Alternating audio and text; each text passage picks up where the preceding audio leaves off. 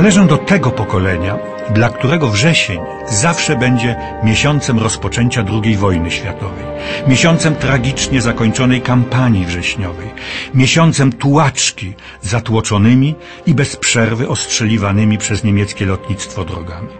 Miałem wtedy kilka lat, ale przeżycia były tak dramatyczne, tak mocne, że utrwaliły się w mojej pamięci na zawsze. Ale nie o tym chciałbym dziś opowiedzieć, choć można by z tych wspomnień nakręcić fascynujący film. Do dziś dnia odkrywane są ciągle jeszcze nieznane wydarzenia tamtych lat. Jedne ważne, rzucające istotne światło na bieg historycznych wydarzeń, inne zwykłe, codzienne, ale wcale przez to nie mniej ciekawe, przeciwnie, czasami wręcz zdumiewające. I o takim zdarzeniu chciałbym dziś opowiedzieć. Hitlerowscy okupanci posługiwali się filmem jako znakomitym, atrakcyjnym środkiem propagandowym. To też w tzw. Tak generalnej guberni działały kina przeznaczone dla Polaków. Podziemie głosiło wprawdzie hasło tylko świnie siedzą w kinie, ale zagorzali kinomani, młodzi i dorośli, cichcem, wstydząc się, zasiadali niekiedy przed wielkim ekranem. Istniało jednak w Warszawie kino, do którego Polacy chodzili z dumą i podniesioną głową, choć konspiracyjnie, głośno o tym nie mówiąc. Mieściło się ono na Pradze, w wielopiętrowej kamienicy przy ulicy Radzymińskiej, w mieszkaniu numer 8. Ze względu na bezpieczeństwo i szczupłość repertuaru, seanse odbywały się tylko raz w tygodniu, za to regularnie i to przez prawie pięć lat, od 1940 do 1944 roku, do wybuchu powstania. Kino miało, a jakże, swoją nazwę, Zyzio, od imienia jego twórcy, szefa i jedynego pracownika, którym był inżynier Zygmunt Koczorowski, wielki miłośnik kina, ale nie związany z branżą filmową. Wiele lat po wojnie miałem przyjemność poznać pana Zygmunta Koczorowskiego, być w jego kinie, czyli mieszkaniu, obejrzeć aparaturę projekcyjną oraz wojenne archiwum. Odbył się też krótki seans. A jak odbywały się seanse w czasie wojny?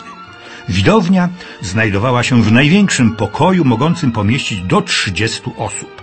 Tu też ustawiony był terkoczący niemiłosiernie, a poruszany siłą ręczną projektor na taśmę 35 mm, taką, jaka wykorzystywana była w normalnych kinach.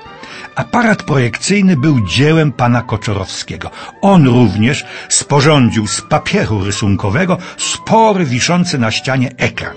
Pod nim widniał napis Palenie surowo wzbronione, jak w prawdziwym kinie. Kasa mieściła się w przedpokoju, natomiast poczekalnia w jednym z pokoi. Bilety były nieco droższe niż w niemieckich kinach. Cały dochód ze sprzedanych biletów przeznaczał pan Kocorowski na prasę podziemną.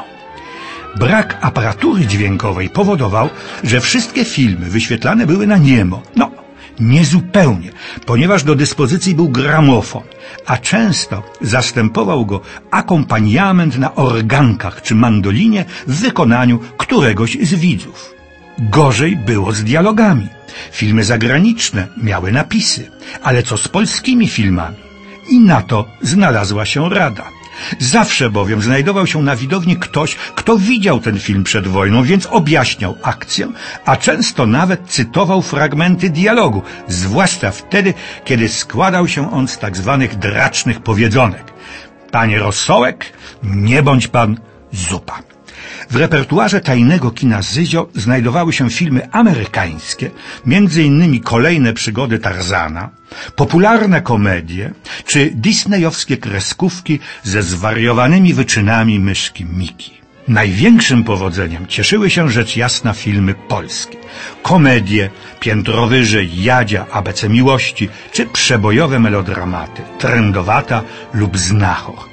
Wiele z tych filmów istniało tylko we fragmentach, ale i tak był to prawdziwy rarytas, zdobywany przez pana Koczorowskiego różnymi sposobami. Najczęściej w zbiornicy złomu filmowego. Niemcy ze starych taśm filmowych odzyskiwali cenne srebro. Celuloid szedł na przysłowiowe grzebienie. ale niektóre taśmy w pierwotnym stanie trafiały do kina Zyzio. Ostatni seans odbył się w końcu lipca 1944 roku. Jak wspominał pan Koczorowski, podczas zwykłych pauz dla przewinięcia i zmiany rolki filmu, tego ostatniego seansu, widzowie obserwowali z okien poczekalni inny, radosny film rozgrywający się na ulicy, a przedstawiający gwałtowną ewakuację wojsk niemieckich ze wschodnich okolic Warszawy. Również po wojnie odbywały się seanse w kinie Zyzio, ale już tylko raz w roku, 2 maja, w dniu imienin pana Zygmunta Koczorowskiego.